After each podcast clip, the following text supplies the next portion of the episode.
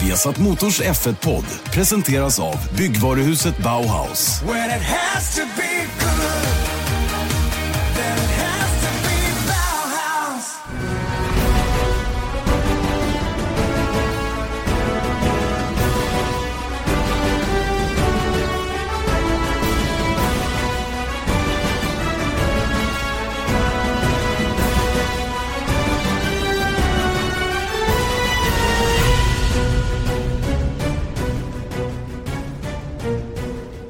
Extremt välkommen ska du vara till Viasat Motors Formel 1-podd. En ny upplaga med Janne Blomqvist och Erik Stenborg den här veckan direkt efter de eh, körda Formel 1-testerna. Nu är två veckor avklarade, åtta kördagar totalt för teamen att förbereda sig på. Och vi har eh, samlat på oss en massa intryck förstås Erik, men allra först så eh, får vi hoppas att du mår bra nu för att vi är en dag sena och det, det var en bugg i systemet. Mm. Ja, men jag, det, det, var precis vad det var. Vi behöver inte gå in närmare på vad buggen exakt var, men nu mår jag lite bättre i alla fall. Jag sitter i sängen hemma och eh, ja, på, på bättringsvägen. Det låter gott. Vi önskar dig god bättring och är jätteglad självklart att du är med och kör våran podd. Vi har ju annars ganska bråda dagar får man väl ändå säga. Presskonferens på torsdag. Det är kul. Mm. Det är väldigt kul. Klockan ett imorgon torsdag när vi spelar in det här på onsdag i alla fall så um, har vi en presskonferens. Jag ska se vad, vad, jag tror att det heter officiella namnet för den här tillställningen är inför F1-säsongen 2018 med Marcus Eriksson. Cool. Coolt namn. Ja, um, mycket slagkraftigt tycker jag. Oerhört. Uh, ja, men det vi gör är egentligen att vi, har, vi gjorde det här två gånger tidigare. Vi gjorde ingen i, um, i fjol av eh, oklara anledningar, men det är att vi eh, kommer göra en livesändning på en knapp timme imorgon, torsdag. Eh, där vi har bjudit in eh, dels alla som ska jobba med oss och kommer synas i rutan eh, från vår del. Och sen då Marcus Eriksson och Beat Sender som är alltså team manager hos Sauber. Just det. Så det är, vad ska man säga, det är som en en preview inför säsongen. Skulle man kunna säga. Och den här går ju då att betittas från vem som helst via, via Play eller på vsasport.se och med start klockan 13.00, alltså torsdag lunch då kan vi säga. Lite kul tycker jag att Beat kommer för är det någon som kan prata om Sauber så är det han. Han har ju varit team manager sen urminnes tid. Jag tror faktiskt han har varit med sen teamet startades en gång i tiden. Jag är lite osäker på de första åren men även under sportvagnstiden, alltså tillsammans med Peter Sauber, så, så tror jag att, att um, Beat Sender har varit med oerhört länge och han kan ju verkligen ge bilden av de olika eh, de olika faserna så att säga som det här teamet har gått igenom då med ägarskap både till höger och vänster och nu då det senaste med Alfa Romeo som har kommit in. Så det ska bli kul att få ställa de frågorna till honom om hur han tycker och det har varit och framförallt hur han ser på det nu då, när han kan jämföra bakåt hur det har varit tidigare. Mm, ja, absolut. Jag tittade där lite snabbt och då har han åtminstone över 20 års erfarenhet av Formel 1. Alla de tillsammans med Sauber. Så att eh, han har ju gått igenom vad, vad ska man säga? Bra dagar och dåliga dagar med det, det kan, teamet. Det kan man säga. Mm. Han har varit med om alla faserna som sagt och eh, han ska få redogöra för det själv under den här presskonferensen. Då. Imorgon klockan ett alltså på Viaplay eller på viasasport.se. Annars Erik sitter vi ju då och försöker summera ihop eh, våra intryck från testerna, försäsongstesterna den första veckan som regnade och snöade bort och var kall och eländig i största allmänhet följd av en andra vecka då som var utmärkt bra vädermässigt. Riktigt, riktigt bra. Var soligt, varmt, skönt och framförallt för teamen oerhört värdefull andra vecka med en ohygglig massa varv avverkade. Eh, viktiga varv eh, när det blev som det blev då vecka ett. Verkligen, och jag tycker vi ska ju summera det här lite. Jag vet inte om vi ska ge oss på att analysera, men däremot så just för av den anledningen att det är så sjukt svårt att analysera och när man väl tittar på alla de här bedömningarna från tester som har gjorts då under de föregående två veckor. Jag menar, man kan hålla med om mycket som många skriver, men det är samtidigt så, vad baserar de sina bedömningar på? Och det är där som det alltid är trubbigt. extremt trubbigt och, och eh, det, det, jag personligen kan bara säga hur jag har upplevt det jag har sett och följt med och eh, jag bakar naturligtvis in andras bedömningar också i mitt tyckande. Och för mig så, så har bilden klarnat ganska ordentligt under de här två veckorna men jag har långt ifrån alla detaljer och jag har ingen som helst möjlighet att säga att si och så många tiondelar skiljer. Eh, det tror, jag är, det tror jag är verkligen att gå för långt att kunna veta exakt hur fort respektive team har möjlighet att köra då om man åkte exakt eh, likvärdig med bränsle och exakt likvärdiga däck och vid exakt samma tillfälle. För Barcelona som sådan är ju väldigt speciell bana eftersom den förändras. Den kan ju bli en sekund långsammare på eftermiddagen för att igen bli 7-8 tiondelar snabbare sista timmen. Mm. Den är ju otroligt fluktig sådär eh, fram och tillbaka med med hur, hur snabb den är. Och därför så är ju tider när de är satta på dagen oerhört viktiga. Eh, och eh, dessutom vilken av dagarna. Det går inte att jämföra dag för dag så att säga. Eh, tider mot varandra och sådana saker. Va? Därför så blir den här typen av analyser blir som, som du säger då grymt trubbig. Eh, jag gjorde någon, själva, någon ranking själv där eh, jag naturligtvis har Mercedes och det har jag nästan tyckt ifrån det att de rullade ur garaget första dagen. Att Mercedes fortfarande är teamet att slå, det har jag eh, upprepade gånger sagt i alla rapporter som vi gjorde där nere att de är fortfarande the benchmark så att säga. Va? Eh, att Ferrari och Red Bull ligger närmast bakom, det råder inget tvivel om heller. Sen eh, tvistar man lite om om det är Ferrari först och Red Bull sen eller tvärtom. Va? Och, och alla de där bitarna, det, får, ja, det, det kan man inte veta. Nej, man kan inte det. Och det är det som är... Jag kan bara ta ett exempel på hur man bedömer de här testerna. Då är ju en, en nestor i sammanhanget är den här Gary Anderson som är för detta Eh, teknisk chef på Jordan eh, och har mycket erfarenhet av det här. Och han kan man ju lita på så, så, så långt det går, så att säga. Men samtidigt så... Jag såg att han i hans ranking så hade han liksom haft Mercedes mil framför de andra. Eh, och det kan mycket väl vara så, men det bygger också på hans analys och jag vet att man får inga liksom utskrivna eh, varvlistor så du kan se alla runs och sånt där utan man har sina monitorer i mediacentret och där ser man ju senaste varvet och det snabbaste varvet. Så att om du ska ha fullständig koll på alla team då behöver du sitta liksom manuellt och skriva ner allting och försöka bygga någonting och även då när de gör analyser över long runs, vilket är kanske det här lite mer djupa sättet att, att analysera. För man, alla kan ju titta på en varvtid. Okej, okay, han satte den tiden på Hypersoft. Ah, okay. Och då satte eh, den killen den tiden på Hypersoft. Ah, hur ser det ut? Ah, men han är långsammare. För X är långsammare än för eh, Z. Mm. Och jag menar, det är olika dagar som du säger, det, det kan vara olika tider. Det, jag menar, det där, det där går inte riktigt. Men ett tydligt exempel är ju just den här grejen då att han såg att Mercedes var så himla långt fram och att antagligen då att Red Bull var bättre än Ferrari. Då går ju, eh, har ju Sebastian Vettel då gett svar på tal runt det här och sagt att ja, men om du tittar på eh, både Mercedes och Red Bulls eh, long runs eller race simulations, då körde de på ett samma däck, alltså medium, på båda stinterna, eller alla tre stinter eller vad det nu blev. Medan det var någonting som Ferrari inte gjorde, de kanske körde medium och sen soft. Ja, och redan där då, då blir ju jämförelsen oskarp direkt. Ja, visst. Visst är det så. Och, och, även om jag vet ju att det går att få ut lister på precis varje varv från teamen om man har bra kontakter. Och jag, kan, jag är nästan säker på att det finns rätt, några stycken journalister i alla fall som har tillgång till åtminstone säg 50% av teamens listor för varje dag. De har någon kontakt som mejlar över dem för att tid, tidtagaren så att säga har ju allting dokumenterat och kan skicka ut det då. Men det är ingenting som presenteras officiellt i presscentrat så att säga till alla oss journalister. Va? Så att, Visst, några kanske har bättre koll än andra, men fortfarande har vi offseten med när man gör det, vilken dag man gör det och vilken tid på dagen man gör det. Och allt det där ska då korrigeras eh, och, och, man ska försöka hitta någon gemensam nämnare då som gör att man kan få någon form av baseline-tid då som, som alla har. Eh, och på det sättet kan man då jämföra teamen och jag, jag ser det som ett, eh, ett grymt svårt jobb i alla fall att hitta en, en, en korrekt, en 100% korrekt bild av hur det ser ut inför premiären i Melbourne. Mm. Jag tror inte ens att... Ja, förlåt.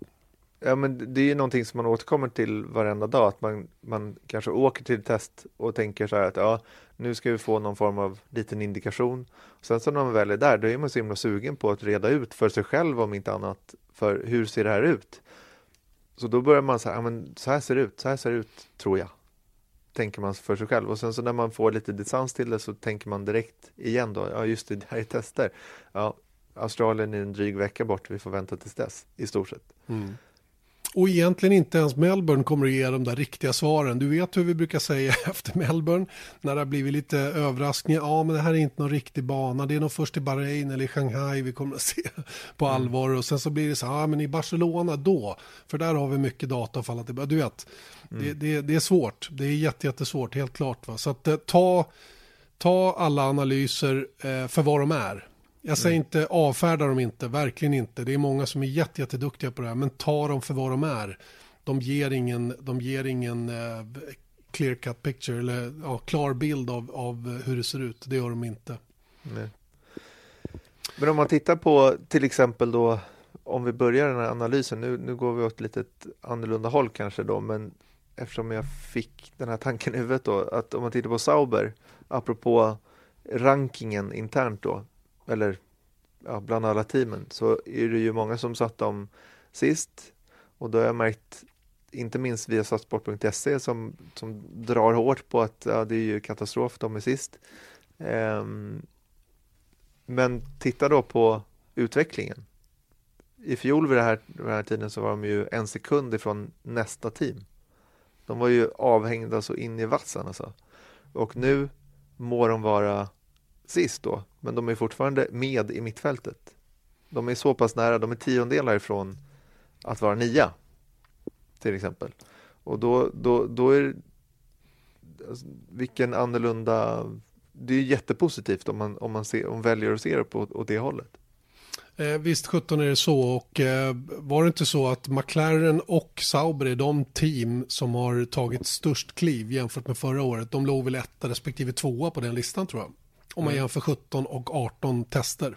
Mm. De, de, de, de har släppt en lista där på f1.com som jag såg att då det så här, mm, eh, 2018 mest eh, improved teams in testing och då har de tittat på gain då på snabbaste varvet, alltså hur mycket de snabbare de har åkt och då ligger ju eh, eh, McLaren då på lite mer än tre och en halv sekund snabbare än i fjol medan eh, Sauber då är på två och en halv sekund, lite drygt.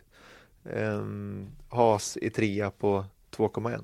Just Så att med det, vilka jättekliv Sauber har tagit. Om verkligen. man väljer att se det positivt. Ja, men och det, vi, man kan väl vända på statistik eh, åt alla möjliga håll och kanter och, och, och, bestämma sig för vilken vinkel man vill ha på hur man rapporterar det. Och då kan man ju, jag håller nämligen också Sauber längst bak. De är sist just nu, som jag ser det. Men, men potentialen att inte vara det finns där och eh, jag tycker som sagt att det som är uppmuntrande det är att man är så pass mycket närmare i år än vad man har varit tidigare. Och det, det, är ju, det är ju egentligen det som är nyheten så att säga, inte att de är sist. Eller? Nej, nej exakt. Och, och det är lite det här som vi pratade under hela vintern att när eh, man har väldigt höga förväntningar på Sauber just med Alfa och ny motor och så ja, men de kan, tänk om de tar en pallplats liksom. Har man ändå hört folk som har Mm. driftat den tanken men det är ju fullkomligt Jag menar titta på vad Mercedes gjorde, de kom in i F1 2010 och det dröjde ju till det, fem säsonger innan de var i en position att, att slåss om VM-titlar och om Sauber, jag menar nu är de ett privatteam fortfarande så att helt andra resurser än Mercedes har och hade också. Så att jag menar man kan inte ha för stora förväntningar på det och det är lite det här vi menade, den här vi har pratat om där under vintern. Mm, absolut. Ja, jag är helt enig med dig. Det, det är roligare egentligen att kolla på ett team som McLaren då som, som toppar den där listan över förbättring mot fjolåret till i år. Dels vet vi att de hade jätteproblem under försäsongen att få bilen att funka överhuvudtaget. Enbart 425 varv för teamet totalt. Eh, en varvtid på 1.21,3 blev det som bäst förra säsongen då när man när man förberedde sig inför säsongen och eh, tittar man på dem i år då så var det ju många som hade extremt höga förhoppningar på att de, de, inte minst de själva, på att det skulle se bättre ut. De är fortfarande sist på listan när det gäller antal körda varv. Eh, visserligen tvåa på, på listan över, eller ja, trea blir det väl, men tvåa bland teamen när det gäller eh, eh snabbaste varvtid. Men det var, jag tror att det var ett desperat försök att vända på opinionen lite grann på slutet från, från deras sida. Då. Fernando Alonso gjorde en 17.78 då som bäst. Eh, och, och, eh, när man ser vilken typ av problem de har haft nu under försäsongen med återigen då en power unit som krånglar, det har gått varmt, de har bränt eh, karosseriet för att de har paketerat för tajt. De har haft oljeläcka, de har haft ett turboras, de har haft elektronikproblem, hydraulikproblem. Och, och, då blir man ju lite så, man, man börjar ju fundera och jag vet inte hur många gånger under veckorna som jag hörde det här att ja, det kanske inte var Honda det var fel på. Vilket naturligtvis inte är, det är inte korrekt att uttrycka sig så heller. Va? Men, men man börjar ju ana att det kanske är så att miljön för motorn i ett McLaren-chassi inte är eh, så att säga optimal, om jag säger så. Då. Ja, men jag tycker bara att om man tittar på hur McLaren valde att kommunicera det här då att de 619 varv fick vi ihop, eh, 810 kilometer mer på banan än i fjol, toppen. Men titta då på vad Toro Rosso gjorde. De är, de är alltså trea på den listan. 822 varv fick de ihop. 203 fler än eh, McLaren med en Honda-motor. Mm. de var snabba. Ja, det får man väl ändå säga att de var. De, de, jag tycker att de såg okej okay ut och förarna, Brandon Hartley sa att det var ju den mest lättkörda motor han har använt sig av i Formel 1. Honda-motorn då, som, som fick klagomål från McLaren förra året med att den var the, the drivability, alltså körbarheten i motorn var, var oerhört svag och den var svår att optimera och få ut det som den klarade i alla fall. Och det, det låter ju precis annorlunda nu. Sen får man inte heller glömma att alla de här kommentarerna som kommer är ju lite politiskt placerade också då för att liksom ja du vet, man vill, man vill ge intryck av en viss sak i alla fall och då använder man gärna media för att, eh, för att presentera det den, den, det som man vill få fram på något sätt. Va? Så att, eh, det är, jag tycker det är lite spännande faktiskt. Eh, jag upplevde inte att det fanns en, någon egentligen som hade sämre grejer än någon annan i det stora hela. För även Hondan gick och gick och gick och när man såg toppfarter och sådana grejer, det var inte så att den, den, den dippade på något sätt eller det, det var inget som stack ut om man kan säga så. Då. För tidigare har ju Honda verkligen gjort det. Eh, mm. och, och McLaren förstärkte ju det genom att köra bil med väldigt, väldigt mycket downforce förra året också då för att, för att ännu tydliggöra, ännu mer tydligare eh, markera då att, att den saknade effekt så att säga motorn då. Mm. Men ja, sen så säger man ju att eh, det, vi fick faktiskt någon fråga om det också på till vår Facebook-sida. Eh, huruvida, ja, fanns det rykten om att de, att Rosso då bytte motor varenda dag. Så de hade en ny motor varenda dag. Men ser du så här, oavsett om de gjorde det, nu finns indikationer på att de inte gjorde det. Att du hade läst en pressrelease från Honda där det var, de hade använt fyra motorpaket under de här åtta dagarna. Mm. Men tror du inte att de gjorde det i fjol? Det gjorde de garanterat. Jag tror att de eh, bytte, de bytte ju flera gånger om dagen, eller på säga. det gjorde de väl inte. Ja. Men det hände ju att de var tvungna att byta flera gånger eh, under testerna där, än bara, absolut fler gånger än vad de har gjort i år. Så mm. att, eh, och ja, det är ju inte bara Honda som har kört fyra motorer under testerna, det jag garanterar. Oh. Att både Mercedes och Renault och, och Ferrari också har tvingats köra an nya motorer. Alltså fler än en motor. Ja, ja. ja, absolut.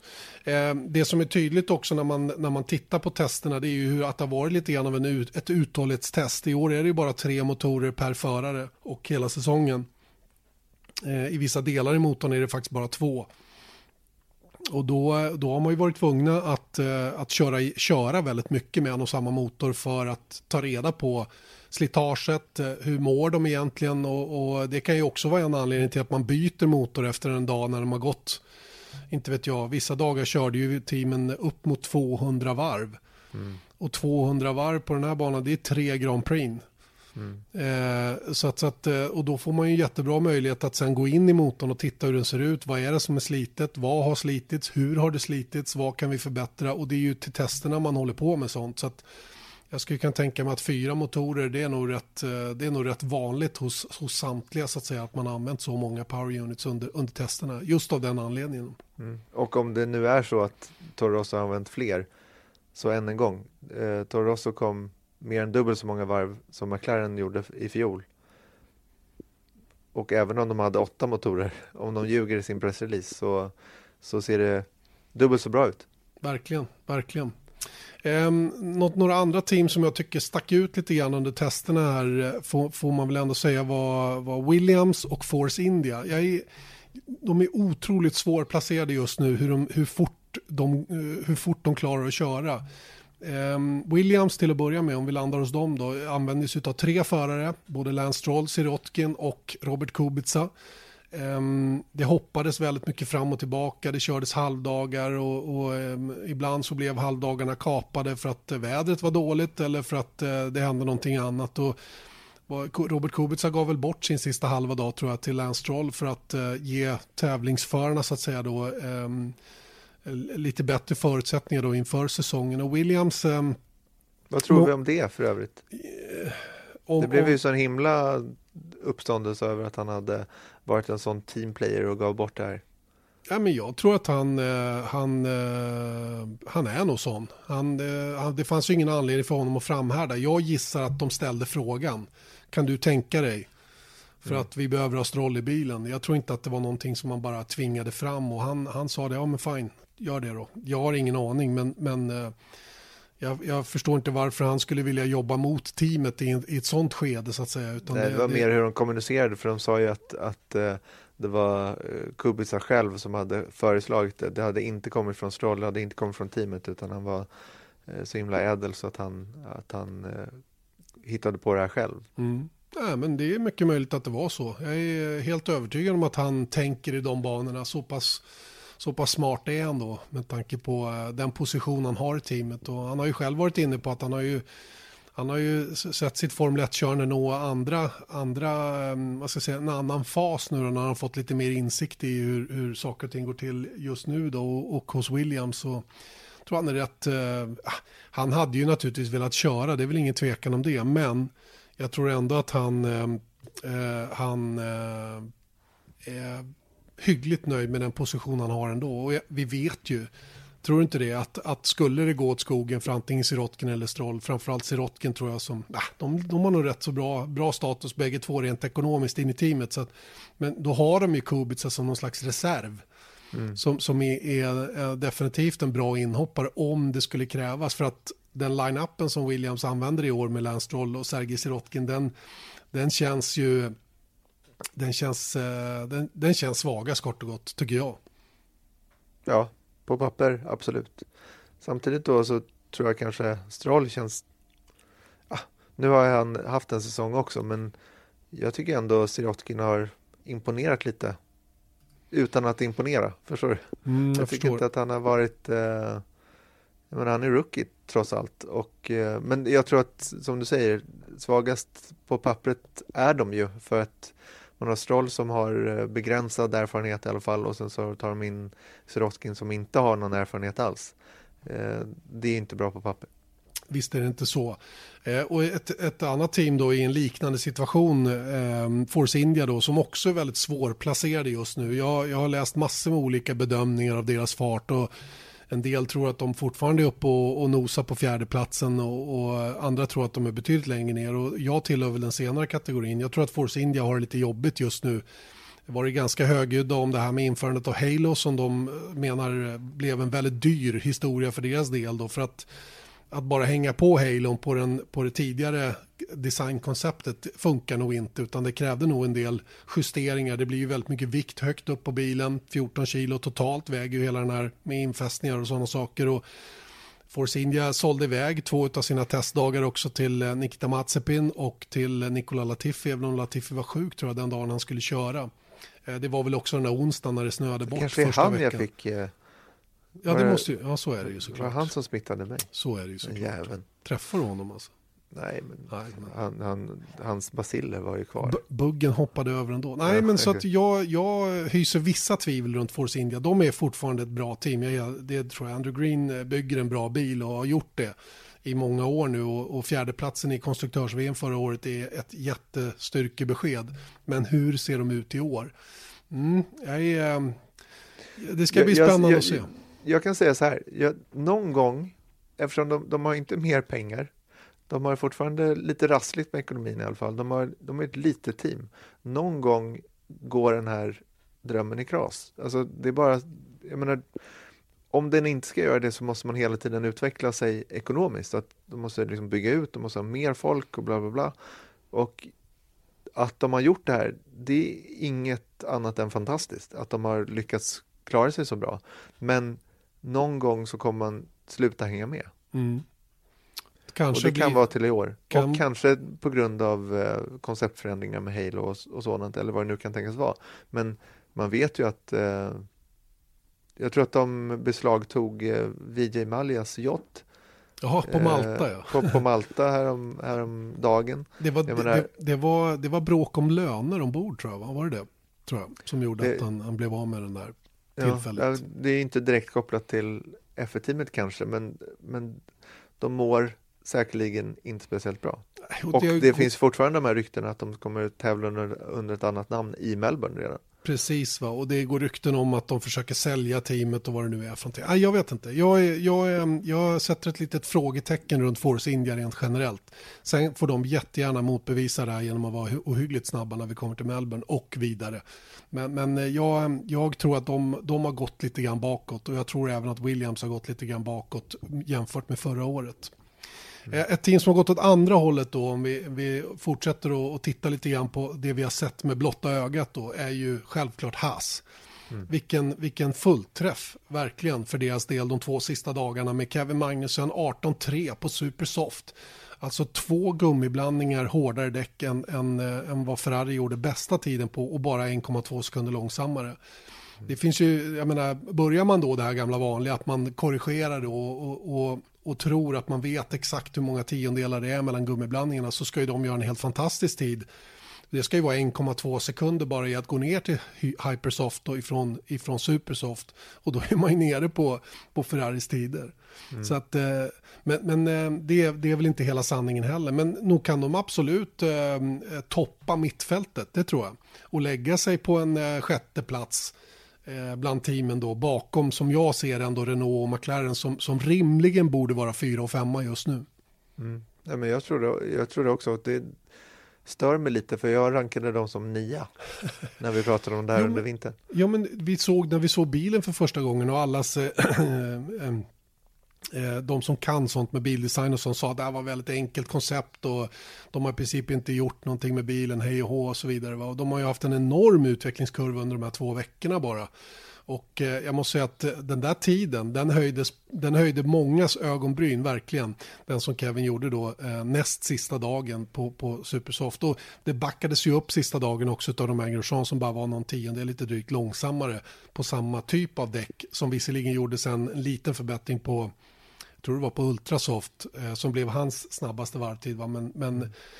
kort och gott, Haas ser väldigt, väldigt bra ut så här långt i alla fall. Vi satt ju till och med när vi såg den här tiden komma. Så att du och jag bara, ja men den där kommer stryka snart. Mm, eller hur? För att de har genat någon, han, någonstans. Så det var ja. ingenting. Och sen så gör jag ett till varv och ett till varv. Mm. I, I samma snår, så att mm. säga. Han var ju bara någon tiondel av. Så han körde ju tre stycken sådana här uh, pushvarv. Vilket på, betyder på att de inte åkte på ångorna heller. Ja. Exakt, mm. så det var då vi började säga, men vänta nu, vänta nu. Och mm. jag tyckte man såg eh, lite bland de andra mittteamen att de såg lite stressade ut. När det Verkligen. Verkligen. Jag tog för givet att han hade kört på Hypersoft när jag såg tiden. Men sen mm. när jag tittade lite noggrannare och såg att det var Supersoft så ja, då fick man verkligen en liten reality check. Jag tror att uh, Haas, uh, Haas blev räkna med inledningsvis här, det är ingen tvekan om den saken. Och bara jättekul om det är så. Det vore ju toppen, inte minst för dansk, danskt vidkommande med Kevin då som, som är en sån otrolig stjärna i sitt hemland. Det vore ju jätte, jättekul verkligen om han kan vara med och tillsammans med Romain Grosjean göra ett, ett bra jobb för Haas-teamen. Hör man lite bitterhet i din eh, inte, underton på rösten? Nej, men faktiskt inte. Jag, jag måste säga att det är ju, det är ju, vi, vi ser ju väldigt lite av överraskningar. Överraskningen de senaste åren har ju varit Force India då, som har hållit den här fjärde platsen i konstruktörs-VM. Jag, jag, måste säga att jag, jag tycker det är så uppfriskande om ett mindre team lyckas med sitt koncept och verkligen kan vara med och slåss om det på riktigt allvar. Jag tror inte att de kan gå och vinna race och sådana saker. Men en bra dag med massa saker som händer så kanske pallen är inom räckhåll i alla fall. Som vi såg Williams klara av förra året. Och, och mm. Där Force India i alla fall var i närheten av det ett antal gånger. Så att, äh, jag tycker det är toppenroligt, verkligen. Och, och det är uppmuntrande för alla andra också som, när det visar att det går. Det faktiskt mm. funkar att, att vara med och slåss om giganterna. För hur den är så är det ju bara Ferrari, McLaren och Red Bull som har stått på pallen här under tio års tid i stort sett. Mm. Ja, det är, ja, det är strö undantag, men, men överraskningar är alltid kul. Absolut, ingen tvekan om den saken. Eh, och eh, om vi landar lite grann i Sauber avslutningsvis när vi går igenom teamen då så, så eh, eh får man hålla nere förväntningarna, så är det bara. Ehm, ehm, de, de, har närmat sig, ingen tvekan om den saken. Va? De lyckades inte, och det, det, vet jag att de inte gjorde, de lyckades inte nå bilens potential under testerna här nu. Eh, tiden som var en låg 19 då för både Charles Leclerc och för Marcus Eriksson Eh, hade kunnat vara betydligt bättre om man hade haft liksom ordning på hur man förbereder däcken för de snabba varven och så vidare. Va? Så att, eh, jag tror att det finns, eh, det finns mycket marginal där och den tiden som man gjorde nu på, på strax över en 19 då, den, den kan vara ner mot en 18,5 utan vidare om man hade prickat rätt. Typ som, som Haas gjorde med sina varv där. Mm. Och lite av hur det här går till, hur man letar i sin nya bil har vi gjort ett reportage på det var det, bland annat därför jag var nere i Barcelona för att vi spelade in eh, Vi följde faktiskt eh, Jörg Sander som är eh, teknisk direktör på eh, Sauber och fick lite inblick genom honom då att så här, vad är egentligen Vi pratar alltid om tester men vad är det egentligen man letar efter? Eh, och hur går det till? Och hur gör man? Eh, och speciellt när man har en så pass nytt koncept som Saber har. Så jag hoppas att det reportaget, vi har inte börjat klippa det än, men jag tror att det har potential att utbilda lite. Ja, men det är bra. bra det är bra tycker jag. Och eh, Jörg var ju väldigt tydlig med att man, man kommer sakta men säkert framåt med att förstå bilen. Och han var dock väldigt tydlig med att man måste ha respekt för tid, tiden här. Att det, det tar tid. Det kommer att ta kanske ett antal helger innan man börjar liksom att lukta på bilens eh, pot eh, fulla potential så att säga. Va? Och eh, dessutom har man ju en, en, en, aggressiv uppdateringsplan under året.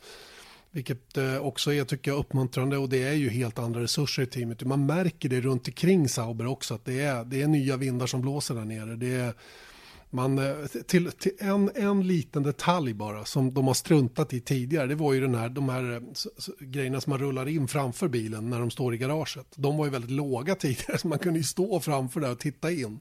Mm. Nu eh, satte de på några extra grejer upp så att de höjde upp och det var väldigt high tech. Det var något det såg ut som något skum, jag vet inte, det något, något, något sånt skyddsmaterial och sen hade de två sopkvastar mm. som, som de sköt upp och som höll den där på plats så att säga. Då. Och, eh, det var nog inte tänkt så från början att de skulle eh, så att säga gömma sig så mycket som man till slut gjorde. Men man var inte, och kanske på order från Ferrari, jag har ingen aning, att man inte vill visa bilen för tydligt för konkurrenter och, och för journalister och sådana saker. Va? Men, men det, det var en sån där grej som, som man inte har sett tidigare. Då har de, inte, de har inte tyckt det vara värt att gömma sig egentligen, för det är ingen som kommer att ta efter deras koncept i alla fall. Nej, det kommer jag faktiskt ihåg med Caterham. De, till och med liksom Virgin och Hispania och de, de hade ju sådana där skärmar hela tiden men ingen gång under tiden som Caterham, eller Lotus som de hette ibland också, eh, var med i F1 så hade de någonsin några skärmar. Det var ganska uppfriskande på ett sätt. Ja, men det är ju det. Och det, det, är ju en sak som jag tycker blir, jag menar, åk på en Indycar-test, där kan du gå runt bland bilarna hur du vill om du är journalist och sådana saker. Nu är ju det något helt annat eftersom det är mm. mer eller mindre enhetsbilar, men här ska man gömma sig så fort man kommer in och, och jag menar, Ferrari, Red Bull och, och, Mercedes, de, de har inte sin bil ute i depågatan mer än i tio sekunder innan den backas in i garaget och täcks för då på en gång. Man jagar bort fotografer och så. Nu får ju alla sina bilder i alla fall eh, oavsett. Ja, det är det jag tycker är så dumt med det här också för att jag menar, fan, teamen själva har ju fotografer längs banan och tar hyper uppförstorade bilar liksom, och då är det ännu bättre för då ser de hur den rör sig och i en kurva så bara okej okay, den trycker så på vänstra hjulaxeln. Liksom, att, så, här, så att, du har fotografer ute som är på ett speciellt ställe när de gör sina provstarter till exempel för att ta bilder från sidan för att mäta hjulbas och sådana grejer. Om man jämför med fjolårsbilar och till exempel Ferrari är väl eh, 160 mm längre i år tror jag än den var förra året och man har gjort, eh, ehm, ja, vi har ju Giorgio Piola som är ute och, och spanar hela tiden och tar bilder och gör ritningar och och mm. försöker att, att um, analysera allt vad det nu är på bilarna från golv till framvingar och, och luftintag här och sidepods och, och hela ja. den grejen.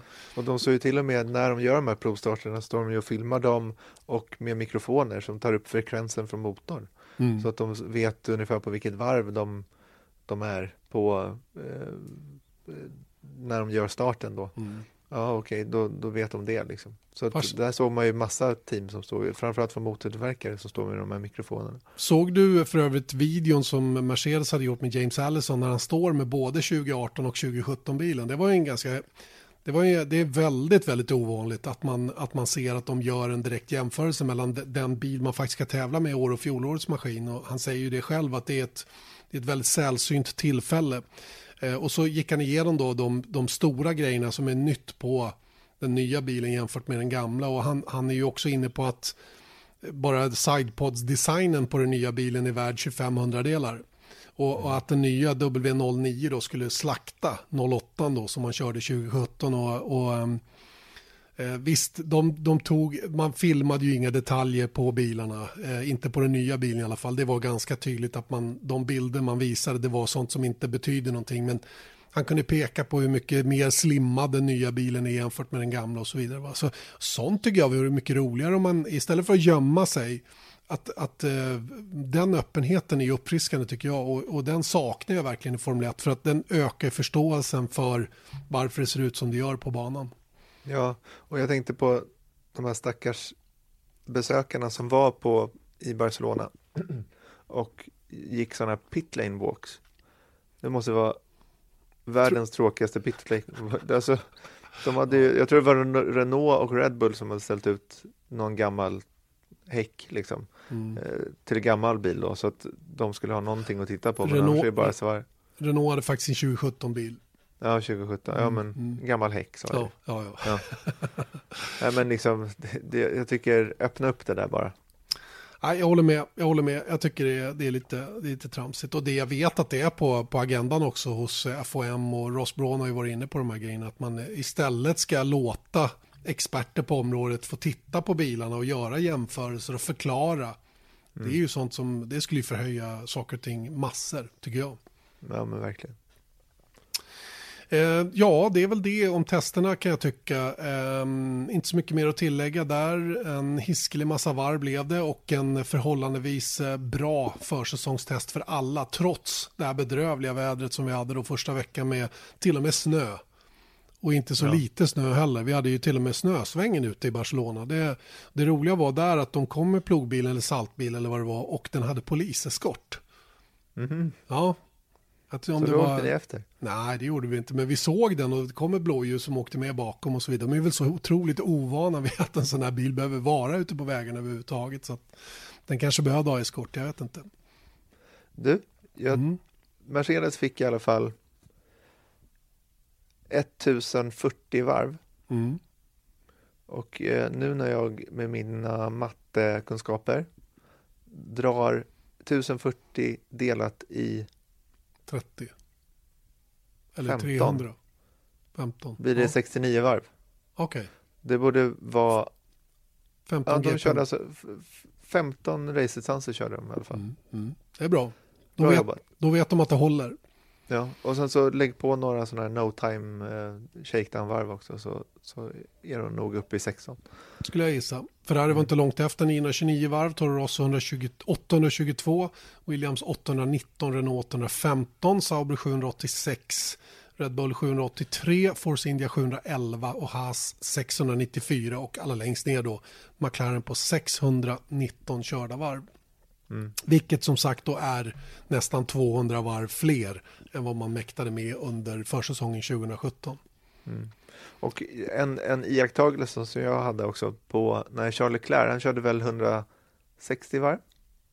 Ja, det gjorde han en dag. Han såg lite krokig ut faktiskt efter den Han dagen. såg otroligt krokig ut faktiskt. Ska vi prata Svart lite om Charles Leclerc? Ja, vi, har inte, vi, har inte, vi har inte varit inne på honom speciellt mycket. Nu har man ju för första gången fått, eh, fått se honom på riktigt allvar köra mm. bilen. Och eh, några saker har slagit mig när det gäller den här unga supertalangen då som Ferrari backar upp nu och stoppar in i Sauber-teamet den här säsongen. Det är ju att han, han har en enorm press på sig. Han ska leva upp till gigantiska förväntningar som Ferrari har på honom och det kommer bli utmaning nummer ett. Mm. Nummer två, som jag tyckte man såg ganska tydligt också, han är väldigt aggressiv i sin körning. Han, eh, han nästan överkörde, eller jag skulle säga att han, han överkörde bilen i sin jakt på att eh, imponera så att säga. Va? Och eh, har nog inte riktigt hittat de här gränserna som man behöver ha. Han var ju av ett antal gånger, jag tror att han hade tre, tre mm, avåkningar åtminstone, plus någon gång när han var av och kunde komma upp på banan för egen maskin. Så att han var rätt många gånger eh, av banan. Visst, en del av det är ju att den här bilen var lite inkonsekvent när det gäller balansen. Den, den, den kunde vara åtta, åtta varv så uppförde den sig på ett sätt. Det nionde varvet så hände någonting i bakänden och så vände de. För det gemensamma för alla avåkningar var att de skedde på ungefär samma sätt, att de tappade bakänden. Eh, dels upp i kurva 4 Eh, det gjorde inte bara Leclerc utan även Marcus Eriksson och Leclerc tappade bilen också upp i kurva 12 och det var ju då han backade in i, i, i däckbarriären lite grann och skadade bilen delvis. Eh, växellådan tror jag fick sig en liten törn och bakvingen och kanske något mer. Vilket gjorde att han blev stående då sin sista dag i bilen då väldigt, väldigt länge då efter den avåkningen. Så att, eh, och jag, jag vet också att han eh, på ett av sina snabba varv, när han faktiskt var på väg mot en riktigt, riktigt bra tid på sitt andra sätt, eh, Hypersoft, sista dagen han körde, så, så gjorde han en jättemiss in i kurva 10, bromsade på sig ordentligt. Och jag tror, att han, jag tror inte att han känner att han vet exakt hur han ska köra bilen för att nå optimum så att säga när han kommer till Melbourne och Australien då. Lite grann beroende på den där avåkning som blev väldigt dyrbar för hans del och med mycket tid i garaget sista dagen han hade i bilen då på fredagen. Mm. Personlig reflektion är att han är otroligt eh, snäll pojke, höll jag på att säga. Ja. Schysst kille liksom. Jag presenterade mig stod och pratade i fem minuter med honom och han är väldigt så här uh, glad att vara där, liksom så som lite oförstörd som många av de här rookiesarna är. Men just att jag sa så här, I'm from Swedish TV. Han bara, ah, vad kul, du vet, så, här, så kommer ni ha lite extra koll på, på oss då eller? Och jag bara, ja men det har vi väl lite naturligt eh, sett då liksom. Men han var liksom en helt annan människa än Pascal Wehrlein. Ja, det är enormt stor skillnad på de två faktiskt, måste jag säga. Och eh, det hör man även internt i teamet också, att det är, det är skillnad. Eh, stor skillnad. Han är ödmjuk, frågar mycket, försöker ta reda på saker och ting och, och liksom, han vill oerhört mycket göra rätt så att säga. Va? Och eh, det tror jag kommer att gynna honom i längden, verkligen. Men det blir ingen dans på rosor det här första året. Det är en enorm press på honom som sagt och alla förväntar sig att han ska slakta Marcus Eriksson i stort sett. Och eh, Klarar han inte det, ja då kommer han eh, ganska omedelbart att bli ifrågasatt tror jag från, från, ehm, ja, från Ferrari-ledningen. Mm. De är inte kända för att ha supermycket tålamod och de har ju pushat innan Leclerc dök upp egentligen på stjärnhimlen så att säga då så var det ju väldigt mycket Antonio Giovinazzi som gällde. Nu fick ju Giovinazzi förra året chansen då, väldigt knapphändiga förberedelser, men han fick ändå chansen att köra för Sauber i början där och gjorde väl ingen dundersuccé direkt. Så att, eh, och det tror jag det har nog legat honom i fatet en hel del när det gäller Otroligt svåra förutsättningar dock måste man säga. Så för, att, eh, för Giovinazzi då när han kom in, eh, han fick tredje träningen eh, inför eh, Australien. Australiens GP, kvala bra. Eh, Marcus slog honom va, i kvalet Ja, jag, vet, jag vet att Marcus ja, det, bröt så att ja, han det inte... Gjorde, det gjorde han. Ja. han var före. Men ja. oavsett det så, så det, det, det är ju liksom... Det är ju ja, men oavsett. Ja, men absolut. Jag, jag tror att eh, Giovinazzi är, kan vara högaktuell för att ta över den där platsen om inte Leclerc... Alltså jag menar, säg så här. Tre första helgerna, om det skulle bli så att Marcus eh, slår honom i kval och race, ja, alltså då, jag ska inte säga att det är efter tre helger, men jag tror att det kan gå fort. Det kan det göra. Det kan det absolut göra. Och det är ju just de, det är ju den pressen han måste hantera. Mm. Och den pressen har han aldrig haft riktigt på sig tror jag på samma sätt. Eh, och sen en annan faktor som, som man inte får glömma när det gäller Leclerc är att han för första gången nu kör en bil som det inte går att vinna med. Mm. Och, och, det är ganska vanligt att killar som kommer från underkategorier och är vana att köra den bästa bilen och stå längst fram och vinna och vara pole position, att de försöker mer än vad bilen klarar. Och det var lite den känslan jag fick nu under testerna, att han, han tog i, eh, han, han ville liksom mer än vad, än vad det går och det har aldrig funkat. Det brukar oftast gå långsammare då när man överkör bilen så att säga. Och eh, ja, låt oss hoppas att han, eh, att han hittar rätt med det här och det tror jag han kommer att göra. Han är så otroligt duktig liksom i grunden så det där kommer han att komma överens med tämligen snart men frågan är när bara. Mm. Kanske redan första helgen. Ja men verkligen, jag tror att han, eh, när han får låta det han tog med sig från de här kör, han fick en hel del varv i alla fall så att när det får marinera lite och kanske de kommer till rätta lite mer med den här instabiliteten så då, det är ju så för vem som helst att då får man mer confidence. Så är det, helt klart. Mm. En annan rolig sak, Erik, som jag noterade. Eh, det var ju ett längre reportage med Marcus Eriksson i Sportspegeln i söndags. Stopptid handlade också om, eh, om Formel 1, eh, då från 1975. Och mm. hela det inslaget från 1975 var det någon som var vänlig att la upp på min blogg. Så jag tittade på det. Och jag slogs av en sak. Vad pratade man om i det inslaget i, i stora drag? Jo, man pratade om hur man tar sig in i Formel 1. Antingen blev man inköpt eller så köpte man in sig. Mm. Eh, nummer två var säkerheten. Eh, Emerson Fittipaldi tyckte att Anderstorpsbanan var ett föredöme med, med catchfence och avåkningszoner och, och äh, räcken och sådana avbärarräcken och sånt som, som var bra för säkerheten. Det tredje var kvinnor i Formel 1. Mm. Vilket innebär att det där inslaget från 1975 hade lika gärna kunnat ha gjorts 2018. 43 år senare. Ja, är det inte, jag tycker det är rätt fascinerande ändå att, att det var i princip samma snack, samma tugg som vi hör idag, redan då, 43 år tidigare. Det, det tycker jag är, är, det säger en hel del om, om, om saker och ting och det tycker jag också är rätt talande för när man säger att det var bättre förr. Mm. Eh, det var det inte. Det, det var annorlunda förr. Mm. mot vad det är idag. Men bättre förr, det är, ja en del kanske tycker det och det har jag full respekt för eh, av olika skäl. Va? Men, men det har varit samma issues egentligen hela tiden. Mm. Ingen vill ju köra Formel 1 med livet som insats, även om en del går runt och antyder det, att det ska vara lite risker hej och hova. Men det har aldrig egentligen varit så. Det finns ingen som tycker att det är värt det, utav de som är utövare egentligen. Och det, och det, och, det, och det, är viktigt att komma ihåg. Va? Och sen eh, det här med, med eh, hur man tar sig in i Formel 1. Ja, det har alltid funnits ett stort mått av ekonomi. Som styr. Vad tog de för exempel där? Det var väl Torsten Palm Torsten och, Palm eh, var en av dem. Precis, Nicke Lauda ja, som berättade om sitt banklån. Han hade ju en sponsor som skulle stå för kalaset men som visade sig vara falsk och då slutade med att han fick gå till banken och låna pengar för att komma in. Mm. Eh, så att han, han då backade ju sen upp det med att vara väldigt snabb då och lyckades ju bli världsmästare och allt vad det var. Så att det, det må ju vara hänt. Va? Och det, eh, Torsten Palm var ju då, det var väl Polarvagnen tror jag som var hans sponsor då och de var ju sugna på att sponsra mer om jag förstod det här inslaget rätt då. Det landade väl en, en sån här polarbjörn på, på Ronnie Pettersson också så småningom. Mm. Jag hamnade inte någon polarbjörn på Eje? Nej, det var Plastic Pudding som Eje hade. Eje hade Plastic Pudding. Han kanske hade polarvagnen också, jag vet ja. inte. Men det, var, det tycker jag var lite kul. Och, och Torsten där, han var inne på att ja, men det beror lite på hur det går, om jag kan köra vidare. Och han, han, ehm, han, han gjorde ett försök i alla fall att ta sig in i Formel 1 och vilket en del andra svenskar också gjorde på den här tiden då. Det var ju lite enklare, det var det ju på många sätt. Mm. För här kunde man ju verkligen köpa sig en, en plats en helg. Mm. Det var många eh. svenskar som, körde, som har kört ett race till exempel och ja. då har de kört på Anderstorp. Och, och, och det, det är sånt som jag attraheras av lite grann eh, som jag tycker, eh, som jag tycker man gör bättre i MotoGP till exempel. Man har wildcard entries. Va? Det, sånt skulle jag tycka var cool.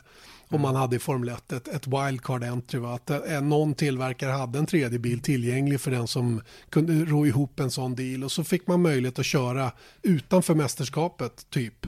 Mm. Så kunde man ha då, och då skulle man på det sättet kunna dryga ut griden. Det skulle jag tycka var, det, det är en sån grej som jag hoppas att Formel 1 någon gång kanske tittar på framöver för att hjälpa återväxten på något sätt. Va? Wildcard entries, det vore cool. Mm. Tänk om alla teamen fick två stycken wildcard entries och sen så var det, det är, det är 21 race. Mm. Så får man köra två race varje år så får ett team då ha en tredje bil. Häftigt. Och förutom i eh, finalen typ, för då kan det påverka för ja. mycket kanske. Men det, det, hade varit jättehäftigt. Supercool va? Och den, och den tredje bilen den kan ju finansieras av den som ska köra så att säga. Det är ju ingenting som behöver belasta teamets budget i övrigt. Va? Den får ju liksom dra nytta av allt andra som sker i, när det gäller utveckling av bil och sådana saker självklart. Va? Men jag är rätt säker på att många skulle ha råd att eh, tillhandahålla en tredje bil om den blev, eh, om den blev ehm, eh, finansierad eh, mm. utav den som skulle hoppa in då med hjälp av ett sponsorpaket för en tävling då. Det blev väl förmodligen hisnande summor antar jag, men, men ändå, det vore rätt coolt faktiskt. Det är en rolig idé tycker jag. Ja, och sen så light-versionen av det gjorde man ju redan 2004 när alla teamen hade 3D-bilar. Från eh, femte eh, för... plats i konstruktörs-VM och neråt ja, fick man köra en, en ja, tredje precis. bil. Mm. Ja, och, och, vilket då gjorde att eh, Björn Wirdheim var med under eh, den säsongen som tredje förare i Jaguar. Just det, 2004. Ja. Ja, så mm. det är inte så dum tanke heller. Verkligen inte. Jag tycker den är alldeles utmärkt bra och jag hoppas att, eh, som sagt, jag hoppas att den kan eh, bli intressant framöver.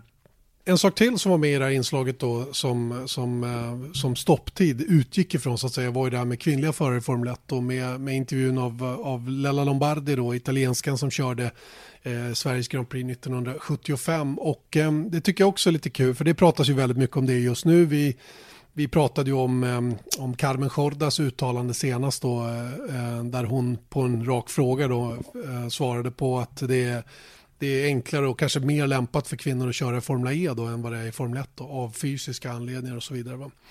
Det här med kvinnor i Formel 1 leder oss lite försiktigt in på veckans lyssnarfråga. Lyssnarfrågan presenteras av Pirelli. Pirelli, power is nothing without control. Jag är för, först och främst otroligt nöjd med den där vignetten som vi pratade om förra veckan också. Men den, den är jag, jag tycker den är väldigt, väldigt bra. Som vi har beställt själva. Det var inget självgott alls.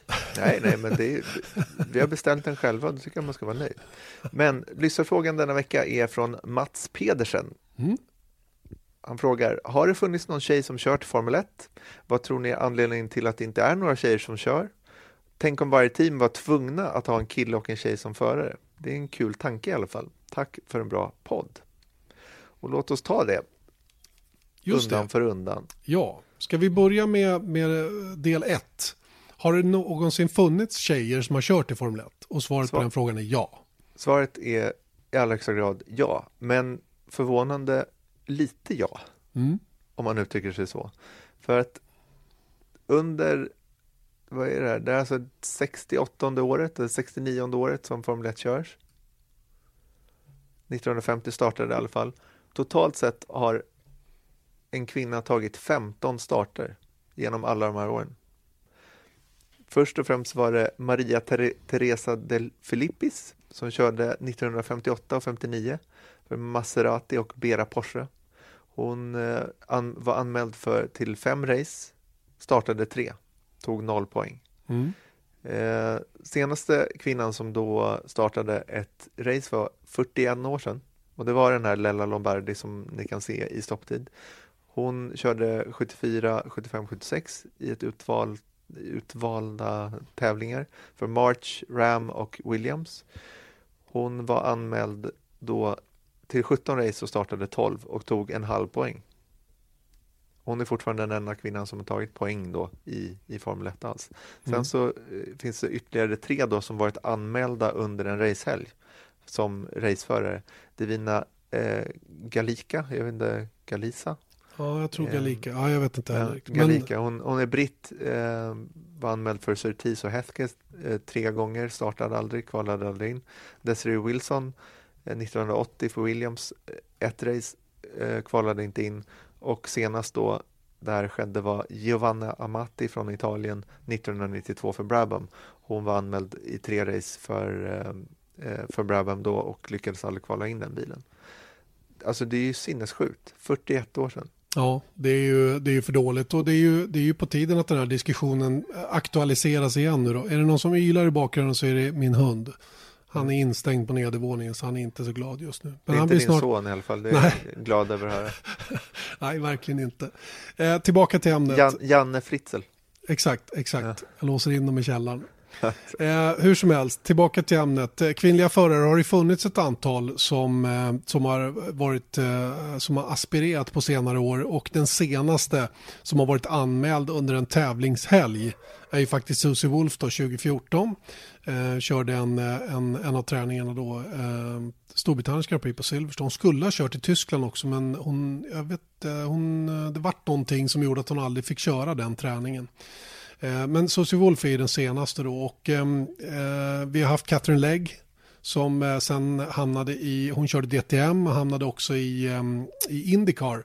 Hon testade för Minardi 2005 och vi har haft mer Maria de Velotta då som så oturligt eh, dog senare. Eh, delvis tror jag på grund av en krasch som hon var med om. En testkrasch när hon körde in i en bakavlyft på en lastbil eh, på någon sån här straight line test som de gjorde för Marussia. Eh, hon var ju också Jag nära. var med ögat då. Och, Just det. Jag tror inte att hon dog av sviterna av kraschen, men, alltså rent fysiskt, men kanske psykiskt. Ja, möjligen. Eh, och sen hade vi ju då eh, Simona de Silvestro då som också kört Indycar som eh, var signerad av Sauber som eh, någon form av förare. Hon försökte ju verkligen ta sig in. Lotus hade ju också den här Carmen Schorla då, men jag tror inte hon körde någonting.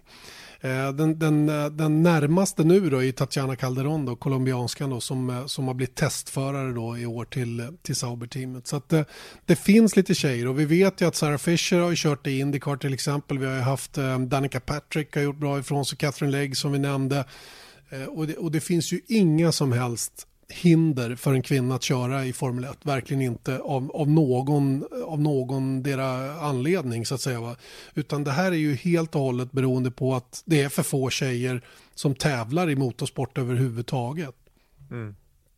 Och det gör ju att urvalet blir, blir för litet helt enkelt. Och då kommer vi in på den andra delen av den här frågan och vad vi tror är anledningen till att det inte är några tjejer som kör i Formel 1. Och det är just det att det behöver bli liksom fler. På, på varje 2000 kille som kör gokart så är- vad kan det vara 100 tjejer, inte vet jag. Något sånt. Mm. Och, och det är klart som 17 att, att, eh, att ta sig då hela vägen, vilket är svårt nog för killar, blir ju ännu svårare för en tjej. Och du har ju varit inne på det flera gånger, vilken marketingframgång det här skulle vara om något team bestämde sig för att verkligen leta upp den snabbaste tänkbara tjejen av det som finns då givetvis då, i något form av talangprogram och sen se till att den kom hela vägen. Det vore ju en dundersuccé verkligen. Ja, men och där tycker jag det finns bevis för det också om man tittar på Danica Patrick i Nascar och i Indycar. Hon var ju alltså under, jag tror att det var under fyra års tid så gjorde de sådana här eh, fanundersökningar vilken förare tycker, liksom är mest populär och det var ju Danica Patrick som vann fyra år i rad tror jag. Mm. Och hon var ju ändå inte liksom top notch-föraren, alltså den som eh, utmanade om, om mästerskapssegrar. Men hon var ju riktigt bra eh, och väldigt, väldigt marketable. Så att jag menar hennes, jag menar, bara med den, det incitamentet så tycker, kan jag inte förstå varför inte F1-teamen går ut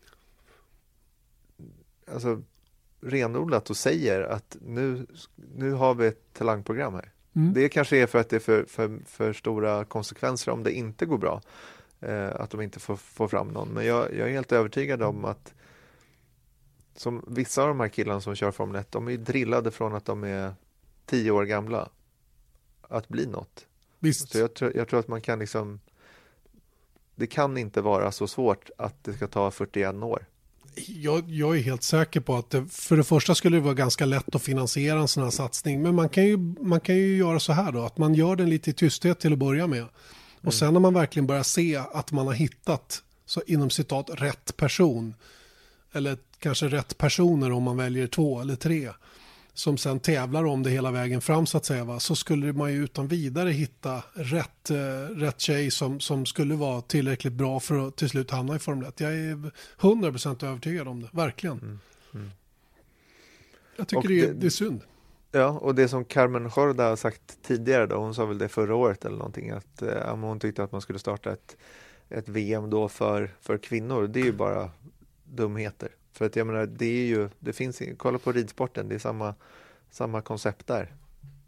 Absolut. Varför ska man inte kunna tävla?